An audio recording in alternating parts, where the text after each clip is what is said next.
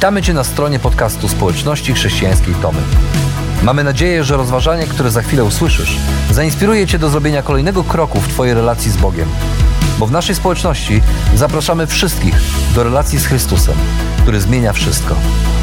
Dziękujemy za Twoje zainteresowanie i zapraszamy Cię do polubienia naszego profilu na Facebooku, Instagramie i YouTubie oraz ściągnięcia darmowej aplikacji na smartfona. Dobrego słuchania.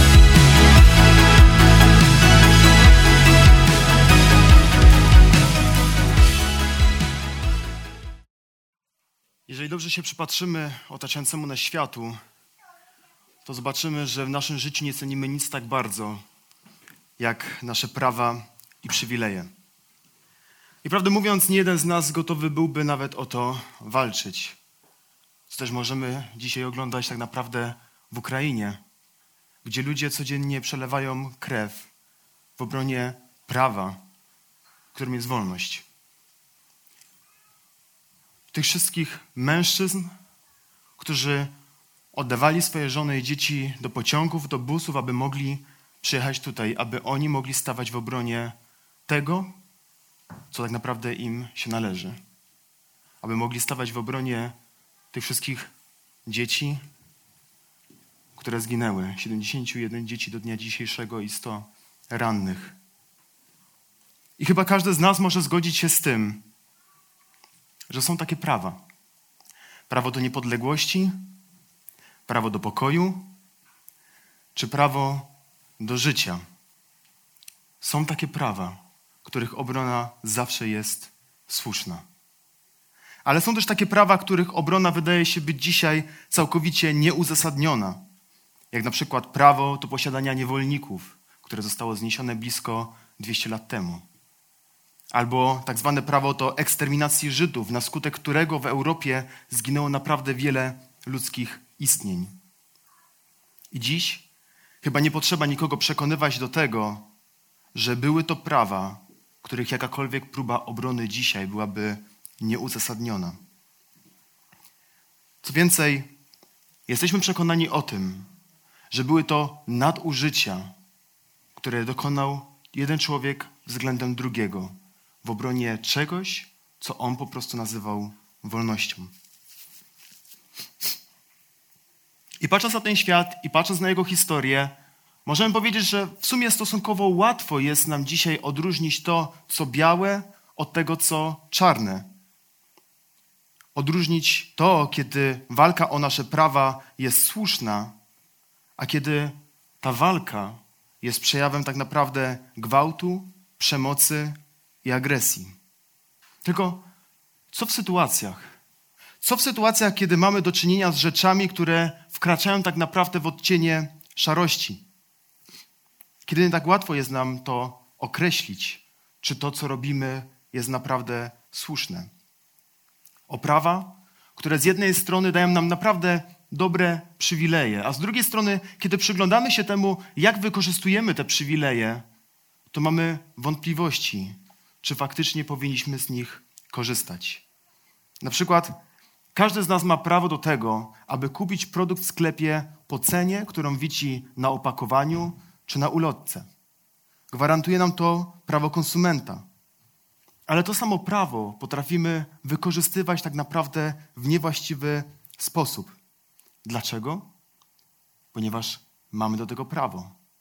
Potrafimy wykłócać się tak naprawdę o każdą jedną drobną rzecz, nawet wtedy, kiedy nie mamy racji. Kiedy widzimy, że produkt jest przeceniony i albo nie doczytamy, albo nie chcemy doczytać tego, że przecena była dwa dni temu. I po prostu sprzedawca, który stoi tam od rana do wieczora, który jest zmęczony swoją pracą, zapomniał ściągnąć tej jednej ulotki. A my jesteśmy gotowi pójść i wykłócić się o to, aby dostać produkt w cenie, którą widzimy. Dlaczego? Bo jesteśmy wolni. Ponieważ możemy robić to, co wydaje nam się słuszne w naszych oczach. Mamy prawo do tego, aby wyrażać swoją opinię, z czego bardzo często chętnie korzystamy. Zapominając jednak o tym, że mamy również prawo zachować milczenie. Bo prawda jest taka, że bardzo ciężko jest nam zrezygnować z jakiegokolwiek prawa, którego utrata w naszym myśleniu pozbawiłaby nas jakiejkolwiek namiastki tego, co nazywamy wolnością. Chcemy być wolni do tego, aby żyć w taki sposób, jaki uznamy za dobry. I ciekawe jest to, że z naszej perspektywy zawsze mamy do tego prawo. Ale to, w jaki sposób z niego korzystamy, bardzo często pozostawia wiele do życzenia. A więc, jak postępować mądrze? Gdzie w rzeczywistości kończy się moja wolność? W tym świecie praw, przywilejów, wolności i różnych odcieni szarości. I odpowiedź na to pytanie możemy odnaleźć w naprawdę niezwykłej księdze. W księdze, która pomimo upływającego czasu wciąż pozostaje bestsellerem wszechczasów. W księdze, której przesłanie jest aktualnie tak samo dzisiaj, jak w dniu jego spisania. W księdze, którą nazywamy Biblią, Pismem Świętym czy też Bożym Słowem. I dzisiaj zerkniemy do naprawdę wyjątkowego listu napisanego przez apostoła Pawła, który w odpowiedzi dla swoich adresatów właśnie porusza tematy związane z tym, o czym mówimy. Odpowiada na dwa nurtujące pytania. W czym jesteśmy wolni i gdzie w rzeczywistości kończy się nasza wolność? Wiecie, dziesiąty rozdział pierwszego listu do Koryntian jest naprawdę niezwykle ciekawy. Bo prawdę mówiąc, na pierwszy rzut oka, kiedy się go czyta, to wydaje się, że tam nic do siebie nie pasuje. Możemy go czytać w kółko i w kółko i w kółko i tylko pogłębiać swoją frustrację, tak naprawdę mrucząc do siebie pod nosem, że dlaczego ten Paweł o tym pisze? Dlaczego wrzuca tych Izraelitów tutaj? Jak to się w ogóle z sobą łączy? Przecież tutaj nic nie pasuje. Ale okazuje się, że naprawdę nic bardziej mylnego. Wiecie, z czytaniem listów nowotestamentowych jest trochę tak, jak z czytaniem hebrajskiej literatury mądrościowej. To znaczy, trzeba być naprawdę bardzo, ale to bardzo ostrożnym i bardzo skupionym. To znaczy, że jeżeli chcemy dobrze zrozumieć to, o czym autor pisze, to musimy naprawdę bardzo szczegółowo prześledzić całą jego argumentację i zastanowić się nad tym, jak te wszystkie rzeczy się ze sobą łączą, bo tego dla tego autora to wszystko się łączy. I dziesiąty rozdział jest w zasadzie częścią dłuższej argumentacji. Argumentacji, którą apostoł Paweł rozpoczął dokładnie w ósmym rozdziale tego samego listu. To właśnie tam rozpoczyna odpowiadać na rzekomo nurtujące pytanie Koryntian dotyczące spożywania mięsa poświęconego bożkom. Z tym, że apostoł Paweł podkreśla tam, że tak naprawdę to nie mięso stanowi problem, ale podkreśla, że tak naprawdę problem leży w ich postępowaniu. Ponieważ widzieli, że jest tylko jeden Bóg, że jest Bóg Jahwe. I dzięki temu oni mają wolność do tego, aby spożywać dokładnie to, co chcą, w tym mięso poświęcone bożkom. Tylko problem polegał na tym, że kiedy byli inni bracia z kościoła i przyglądali się Koryntianom, to również zaczęli jeść takie mięso, z tym, że, że bez zastanowienia. I zaczęli grzeszyć, ponieważ oddawali się bałbochwalstwu. I co ciekawe, Koryntianie widzą to wszystko i widzą, jak ich wolność doprowadza drugiego człowieka do upadku. I Koryntianie tak się przyglądają temu wszystkiemu, patrzą na to i mówią: e, My to w sumie nie widzimy żadnych podstaw do tego, aby rezygnować ze swojego prawa. Bo okazuje się, że mieli naprawdę właściwe poznanie, ale nie potrafili właściwie postąpić. Więc aby zilustrować ich problem, to apostoł Paweł w dziewiątym rozdziale odwołuje się do swojego własnego przykładu. Odwołuje się do swojego apostolstwa i do tego, jakie prawa to apostolstwo mu zapewniało. Z tym, że podkreślał, że będąc apostołem, nigdy nie wykorzystał swojego prawa, jakiegokolwiek posiadał, w obecności Koryntian. Ponieważ przed oczami Pawła zawsze był wyższy cel, a tym celem było stanięcie się współuczestnikiem Ewangelii, to znaczy, że pragnął tego, aby jego życie było wyrazem tej dobrej nowiny, którą nauczał. On dobrowolnie zrezygnował ze swoich przywilejów, aby nie robić tym samym przeszkody dla Ewangelii, a mógł to osiągnąć tylko wtedy, gdy zrezygnuje ze swoich praw i przywilejów na rzecz drugiego człowieka. I właśnie tu, pod koniec dziewiątego rozdziału, apostoł Paweł dochodzi tak naprawdę do najważniejszego punktu swojej argumentacji, na podstawie którego będzie budował cały dziesiąty rozdział. Bo w dziewiątym rozdziale od 24 wersetu możemy czytać takie słowa. Czy nie wiecie, że biegacze na stadionie wprawdzie wszyscy biegną, ale tylko jeden zdobywa nagrodę? Tak biegnijcie, abyście ją zdobyli. Każdy zawodnik odmawia sobie wszystkiego, dam ci wprawdzie, aby zdobyć zniszczalny wieniec. My zaś niezniszczalny. Ja zatem biegnę nie jakbym nie znał celu. Walczę nie jak ten, kto uderza w próżnię. Raczej surowy dla siebie trzymam swe ciało w ryzach, aby czasem głosząc innym, sam nie okazał się niewypróbowany.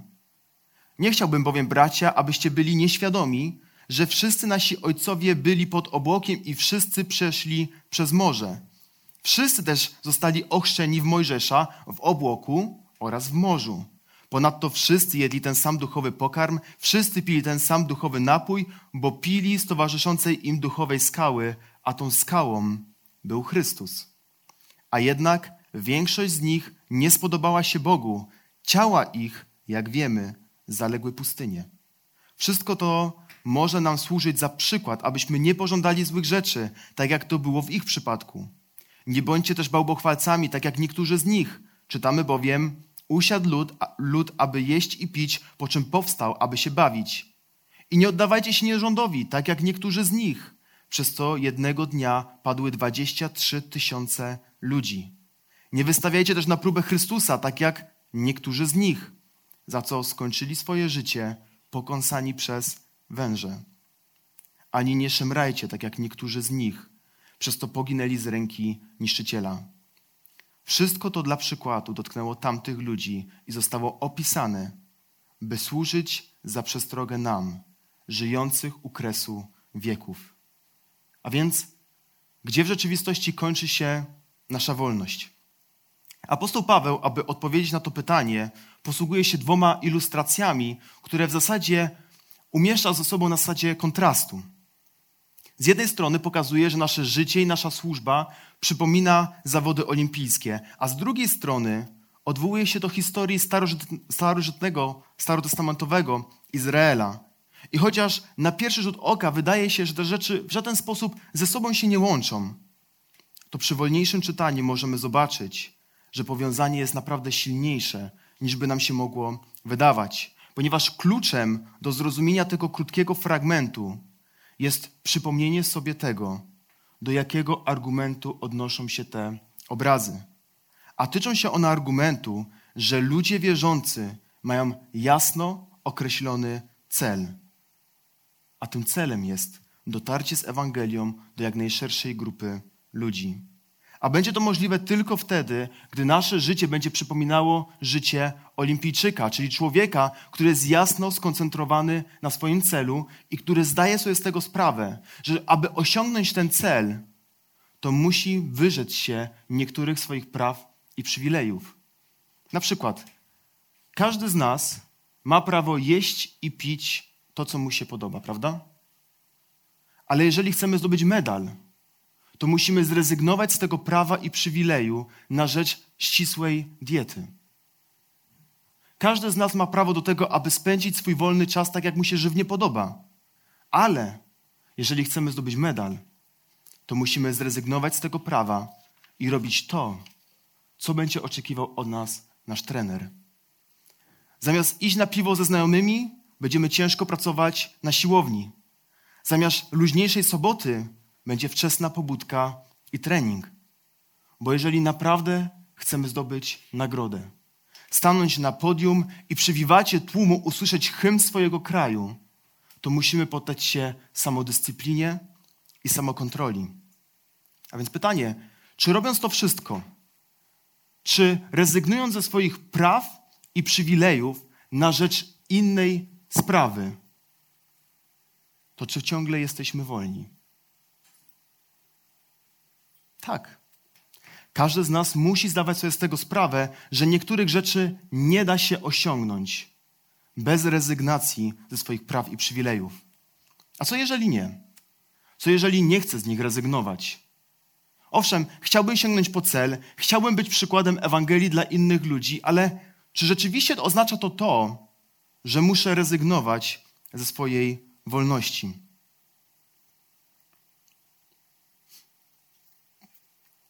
Odpowiedź na to pytanie zawarta jest w tym drugim przykładzie. Przykładzie Izraelitów, którzy przez 40 lat błąkali się po pustyni. W zasadzie Paweł od samego początku gani tego typu myślenie, ponieważ on rozpoczyna od ciekawego stwierdzenia, bo on mówi: Nie chciałbym bowiem, bracia, abyście byli nieświadomi. I to w naszych przekładach jest bardzo tak wyłagodzone, ale gdybyśmy przeczytali to dosłownie, co Paweł tam napisał, to apostoł Paweł pisze do Koryntian konkretne słowa: Nie chcę, abyście byli ignorantami. To znaczy, że lekcja, którą przekazuje im teraz Paweł, nie powinna być dla nich w zasadzie niczym nowym. A jaka to lekcja? Lekcja, że sam chrzest i samo uczestniczenie wieczerzy pańskiej nie przesądza jeszcze o osiągnięciu celu. Owszem, są wyrazem naszej przynależności do Boga i do wspólnoty z ludźmi wierzącymi, ale prawda jest taka, że samo bycie w kościele nie znaczy, że osiągniemy cel. Samo przynależenie do wspólnoty nie oznacza, że kiedy ludzie patrzą na nasze życie, to że widzą prawdziwą Ewangelię. Jak to Paweł argumentuje, Izraelici również mieli coś na wzór chrztu i wieczerzy. Ale jego pytanie jest, jak ci Izraelici skończyli? W zasadzie wszyscy pomarli, poza Jozułem i Kalebem. Ich ciała zaległy pustynię. I tutaj Paweł trochę bawi się z nami obrazem, ponieważ śmierć ma obrazować to, że nie udało się Izraelitom dojść do ziemi obiecanej, która była celem ich podróży. A dlaczego nie udało im się dotrzeć do celu? Ponieważ oddali się niewłaściwym rzeczom, które odciągnęły ich uwagę od Niego. I w ten właśnie sposób Paweł nakreśla obraz, że niektórych rzeczy nie da się osiągnąć bez samokontroli, czyli rezygnacji z rzeczy, które nie prowadzą do właściwego celu. Dlatego zarówno Koryntianie, jak również i my stoimy dokładnie przed tym samym dylematem. Dylematem, który brzmi, gdzie w rzeczywistości kończy się moja wolność. I zastanówmy się nad tym przez chwilę. Czy moje zaangażowanie w pracę, mój pracoholizm, czy on sprzyja rozwojowi Ewangelii? Pracoholizm, który niczym nie różni się od bałwochwalstwa, ponieważ on zaczyna się od tego samego, że pokładamy naszą miłość, naszą wartość, nasze poczucie bezpieczeństwa i poczucie celu albo w dobrach materialnych, albo po prostu w samej pracy, a nie tylko i wyłącznie w Bogu. Nagle okazuje się, że Bóg ma konkurenta. Czy moje życie na kocią łapę sprzyja rozwojowi Ewangelii? W kraju, w którym przynosi to więcej ujmy niż honoru. Opowiedzcie, czy naprawdę chcemy być aż takimi ignorantami i nie widzieć tego, że to, jak widzą nas inni ludzie, ma wpływ na to, jak postrzegają oni Ewangelię? Czy tego chcemy, czy nie, czy nam się to w ogóle podoba, czy nie, bardzo często jesteśmy źródłem Ewangelii, jedynym obrazem Ewangelii, jaką ci ludzie posiadają. A więc, gdzie w rzeczywistości kończy się moja wolność? Moja wolność kończy się tam, gdzie moje życie utrudnia Ewangelii dotrzeć do innych ludzi. Ponieważ wolność mamy w tym, co prowadzi nas do właściwego celu. A celem jest dotarcie z Ewangelią do jak najszerszej grupy ludzi. I czy tego chcemy, czy nie, to naszego celu, tak samo jak zdobycie medalu olimpijskiego, nie da się osiągnąć bez rezygnacji ze swoich praw i przywilejów. A dlatego, że Izraelitom właśnie nie udało się osiągnąć tego celu, to Paweł przestrzega nas przed kolejną bardzo ważną rzeczą. Dlatego, kto myśli, że stoi, niech uważa, aby nie upadł. Dotychczas nie spotkała was próba przekraczająca ludzkie siły. Bóg jest wierny. On nie dopuści, aby was doświadczano ponad wasze siły. W czasie próby wskaże wam wyjście, abyście mogli ją znieść. Dlatego, moi ukochani, uciekajcie od bałbuchwalstwa. Przemawiam jak do rozsądnych. Sami ocencie to, co mówię. Czy kielich duchowych dóbr, za który jesteśmy tak wdzięczni, nie oznacza udziału we krwi Chrystusa? Czy chleb, który łamiemy, nie oznacza udziału w Jego ciele? Ponieważ jest jeden chleb, my, choć liczni, stanowimy jedno ciało, wszyscy bowiem bierzemy cząstkę pochodzącą z jednego chleba. Przyjrzyjcie się Izraelowi jako ludowi. Ci, którzy spożywają ofiary, stają się uczestnikami ołtarza.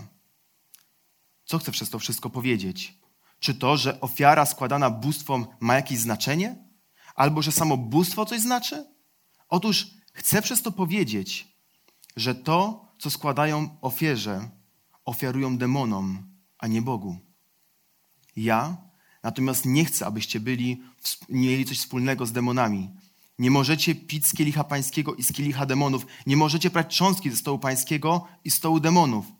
Czy chcemy wzbudzić Panu zastrość? Czy jesteśmy mocniejsi niż On?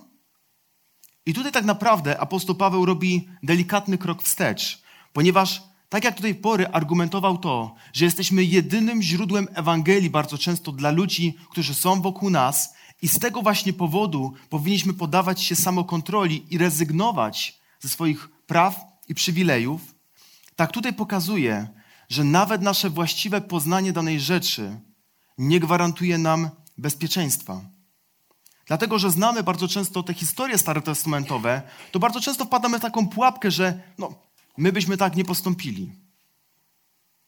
My przecież wiemy, że to, co robili Izraelici, to było złe. My byśmy nie ulepili cielca. Kto by ulepił cielca z was? Nikt by nie ulepił cielca.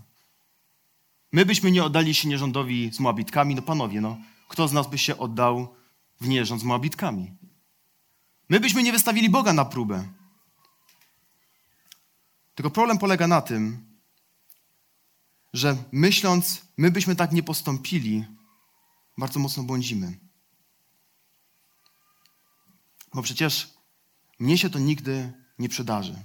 I Paweł podkreśla, że w naszym życiu mierzymy się z różnymi pokusami. I to jest prawda. Z pokusami, z których Bóg daje nam ratunek, abyśmy z niego skorzystali. I to jest naprawdę cudowna wiadomość. To jest tak cudowna wiadomość, że my ten fragment potrafimy wyciągać nawet z kontekstu. Bo owszem, Bóg daje nam ratunek, kiedy spotykają nas próby. Ale Paweł dalej mówi, że wiedząc to, uciekajcie od bałbochwalstwa. Nie wchodźcie w paszczę lwa. Róbcie wszystko, aby nie zbliżać się do grzechu. Tutaj znowu Paweł obnaża to, jak niebezpieczne jest myślenie Koryntian, ponieważ mówi: Wiecie, że Bóg daje ratunek, to dlaczego sami pchacie się w niebezpieczeństwo? Owszem, macie właściwe poznanie, wiecie, że możecie jeść mięso, które było złożone bóstwom. Fajnie. Ale po co sprawdzacie granice tego, jak daleko się możecie posunąć przed upadkiem, chodząc na pogańskie uczty świątynne? Bo okazuje się, że dla Koryntian już nie chodziło o to, aby jeść mięso, ale aby móc też uczestniczyć w wydarzeniach ludzi niewierzących. I ponieważ tak jak dla ludzi wierzących, Wieczerza Pańska jest obrazem wspólnoty ludzi wierzących. Obrazem tego, że mamy wspólnotę również z Bogiem i jesteśmy w pełni zależni od Niego, to tak samo wszystkie te uroczystości pogańskie miały ten sam cel. Uczty pogańskie polegały na tym, że przyznawaliśmy się do wspólnoty między sobą, do wspólnoty z bóstwem, przed którą ucztą siedzieliśmy i do naszego pełnego podporządkowania się temu bóstwu. I co ciekawe, Paweł mówi, że to nie jest źródło akurat ich problemu, bo źródłem ich problemu jest coś głębszego. Źródłem problemu było to, że byli tak pewni siebie i tak pewni swojej wolności w oparciu o naprawdę bardzo dobre poznanie, że nie tylko wystawiali się na niebezpieczeństwo, ale wystawiali też Boga na próbę, bo przecież oni nigdy się nie oddadzą bałbochwalstwu. Przecież kto byłby taki głupi, aby dać się w to złapać? A Paweł mówi: Stoisz? To uważaj, abyś nie upadł. Owszem, nie wszystko w życiu jest czarno-białe. W świecie jest mnóstwo różnych odcieni szarości. Ale jeśli wkładasz rękę w paszczę lwa, to nie wiń później Boga za konsekwencje. bo mnie się to nigdy nie zdarzy. Czyżby?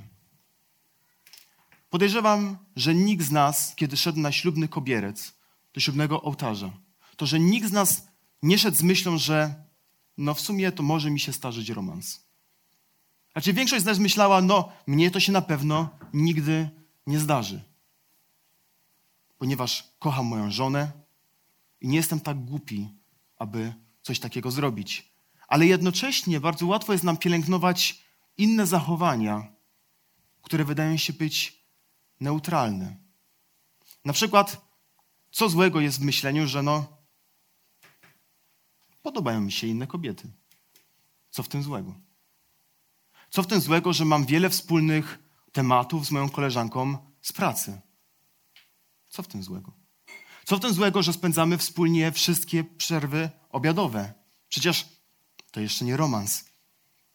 Co w tym złego, że znowu nie ma mnie po południu w domu? Co w tym złego, że ciężar odpowiedzialności opieki nad naszymi dziećmi spoczywa tylko na mojej żonie? I tak poruszając się po tych neutralnych terenach, nagle okazuje się, że przechodzimy przez pierwszą granicę i przestajemy rozumieć to, dlaczego kłócimy się w ogóle z naszą żoną. I rozmawiamy o tym z naszą koleżanką z pracy, która rozumie nas jak nikt inny. I okazuje się, że ona zawsze widzi w nas te dobre rzeczy, a nasza żona, ona już nawet nie potrafi nas docenić. I robimy kolejny krok. Pojawia się pierwsze serduszko wiadomości, pierwszy dwuznaczny żart, pierwsze dwuznaczne zdjęcie. I nagle sami nie wiemy kiedy, ale nasze serce grzeje łóżko innej kobiety. Kurtyna opada, maski zostają zdjęte, a nasze dzieci przyglądają się temu, jak rozwalamy nasze małżeństwo przez coś, co przecież nigdy nam się nie zdarzy. Stoisz, to patrz, żebyś nie upadł. Nie sprawdzaj tego, jak daleko sięga Twoja wolność, aby się później nie okazało, że utonąłeś w grzechu świadomie, bo władowałeś się w te rzeczy, które rzekomo były takie niewinne, rzekomo nie były niczym złym, ale ostatecznie doprowadziły Cię do upadku. Bo gdzie w rzeczywistości kończy się moja wolność? Moja wolność w moim małżeństwie skończyła się w chwili, kiedy ślubowałem mojej żonie miłość, wierność i uczciwość małżeńską.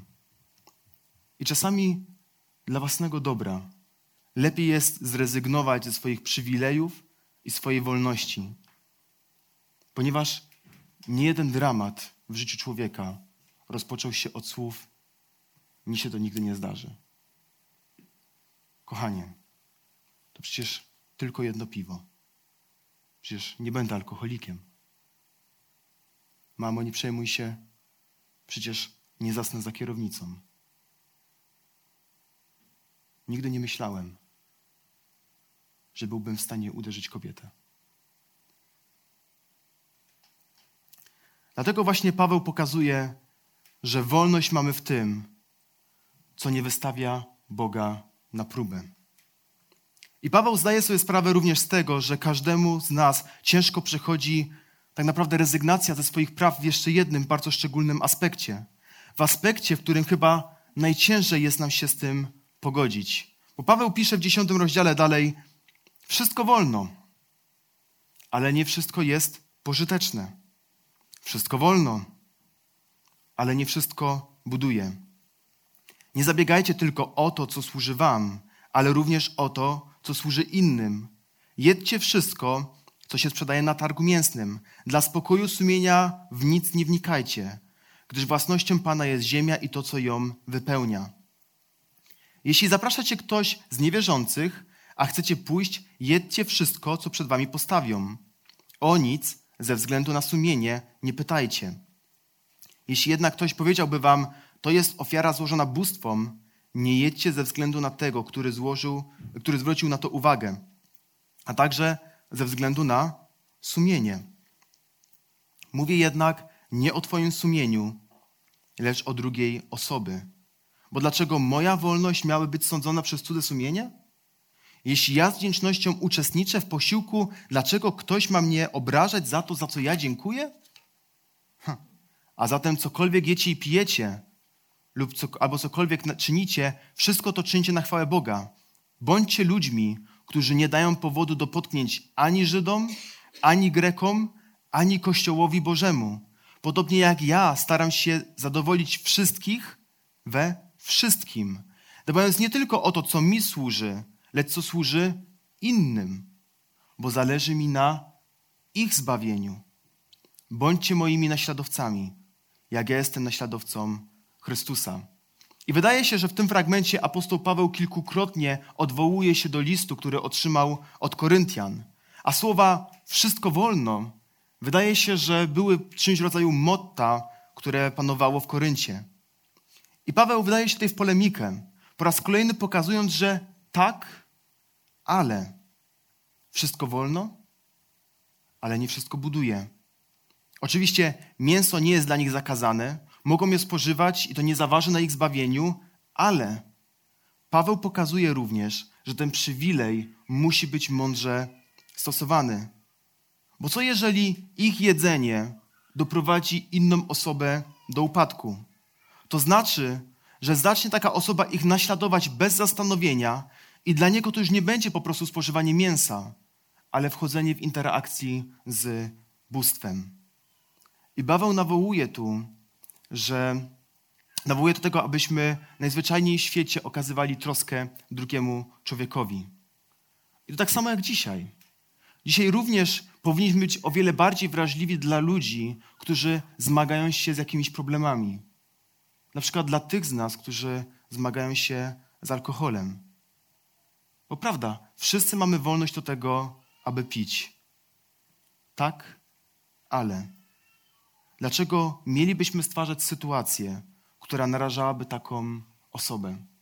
Osobę, która włożyła mnóstwo ciężkiej pracy, aby pójść na odwyk i aby uporządkować w jakimś stopniu swoje życie. Dlatego my, którzy się z tym nie zmagamy, powinniśmy zrezygnować ze swojego prawa na wszystkich takich wspólnych spotkaniach, aby chronić jak najbardziej tą osobę. Chcesz skorzystać z swojego prawa? Nie ma problemu, ale rób to mądrze. Nikt nie zabrania ci napić się lampki wina w swoim domu albo napić się jednego piwa, nawet wśród rodziny, znajomych, jeżeli nikt z was nie ma z tym żadnego problemu. Ale jeżeli wiesz, że na takim spotkaniu byłby człowiek, który widząc to wszystko mógłby później upaść, to zaklinam cię. Zrezygnuj ze swojego prawa. Nie myśl tylko o sobie, ale pomyśl o tym, co najlepsze dla drugiego człowieka. Czasami jednak różnimy się od siebie w postrzeganiu pewnych kwestii, gdzie to, co wydaje się być ważne dla jednej strony, wcale nie jest takie ważne dla drugiej. Gdzie jedni czują się wolni do robienia lub nierobienia danych rzeczy, a druga strona z jakiegoś powodu nie czuje tej wolności. Co w takiej sytuacji? I wydaje się, że właśnie z tego typu pytaniami apostoł Paweł dyskutuje w wersetach 29 i 30. Ja osobiście uważam, że Paweł cytuje tutaj pytania, które zadawali Koryntianie. Bo przeczytajmy, jak to brzmi. Bo dlaczego moja wolność miałaby być sądzona przez cudze sumienie? Jeżeli ja z wdzięcznością uczestniczę w posiłku, dlaczego ktoś ma mnie obrażać za to, za co ja dziękuję. Te pytania brzmią naprawdę bardzo logicznie i dzisiaj moglibyśmy je sparafrazować na zasadzie: jeżeli Bóg mnie nie potępia, to dlaczego mam rezygnować ze swoich praw i przywilejów? Dlaczego Bóg mnie nie potępia? Jeżeli Bóg mnie nie potępia, to kto dał prawo drugiemu człowiekowi do tego, aby ograniczać moją wolność? Te pytania wyglądają tak, jakby Koryntianie pytali Pawła, mówili mu: Słuchaj, dlaczego? My byśmy chcieli zatrzymać też odrobinę tej wolności tutaj. Dlaczego cudze sumienie miałoby ograniczać mnie samego? Gdzie w rzeczywistości kończy się nasza wolność? W relacji z ludźmi w kościele i nie tylko w kościele. Paweł ostatecznie nie definiuje, czyje sumienie ma na myśli. Jedyne, co wiemy tak naprawdę, to to, że nie chodzi o nasze własne. I tutaj apostoł Paweł przerzuca tak naprawdę ciężar naszego skupienia z nas samych na drugiego człowieka.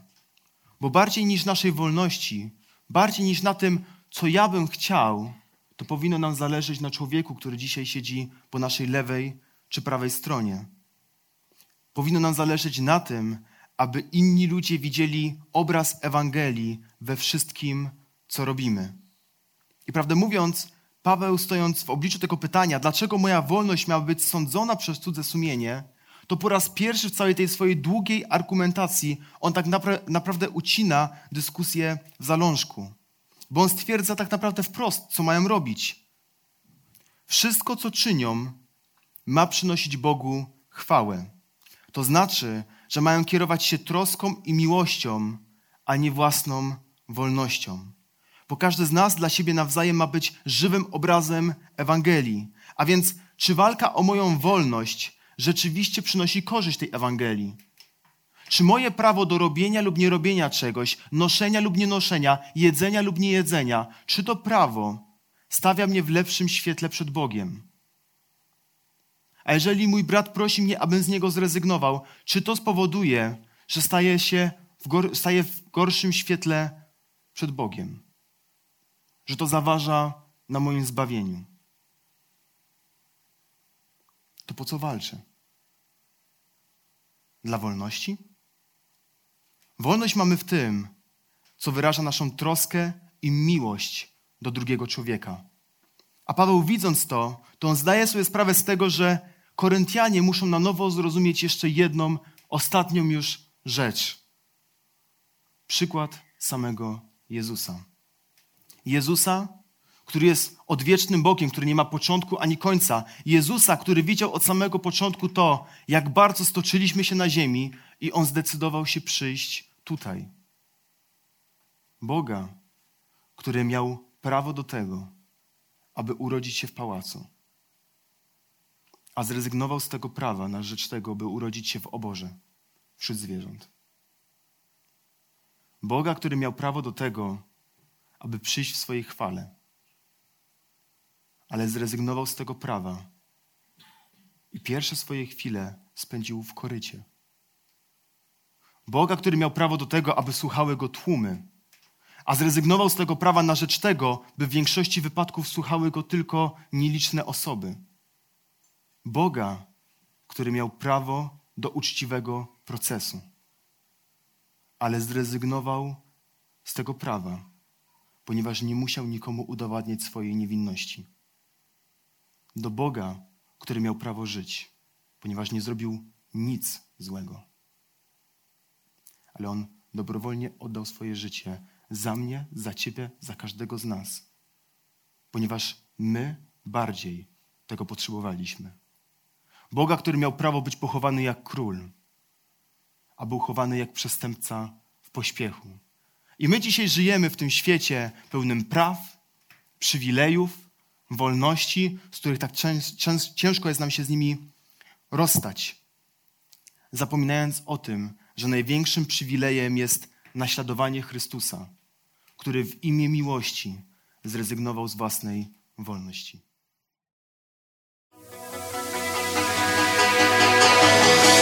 Jeszcze raz dziękujemy za wysłuchanie naszego rozważania. Jeżeli mieszkasz w okolicach Tomaszowa Mazowieckiego lub Łodzi, zapraszamy Cię do odwiedzenia nas na niedzielnym nabożeństwie. Więcej informacji znajdziesz na stronie schatomy.pl.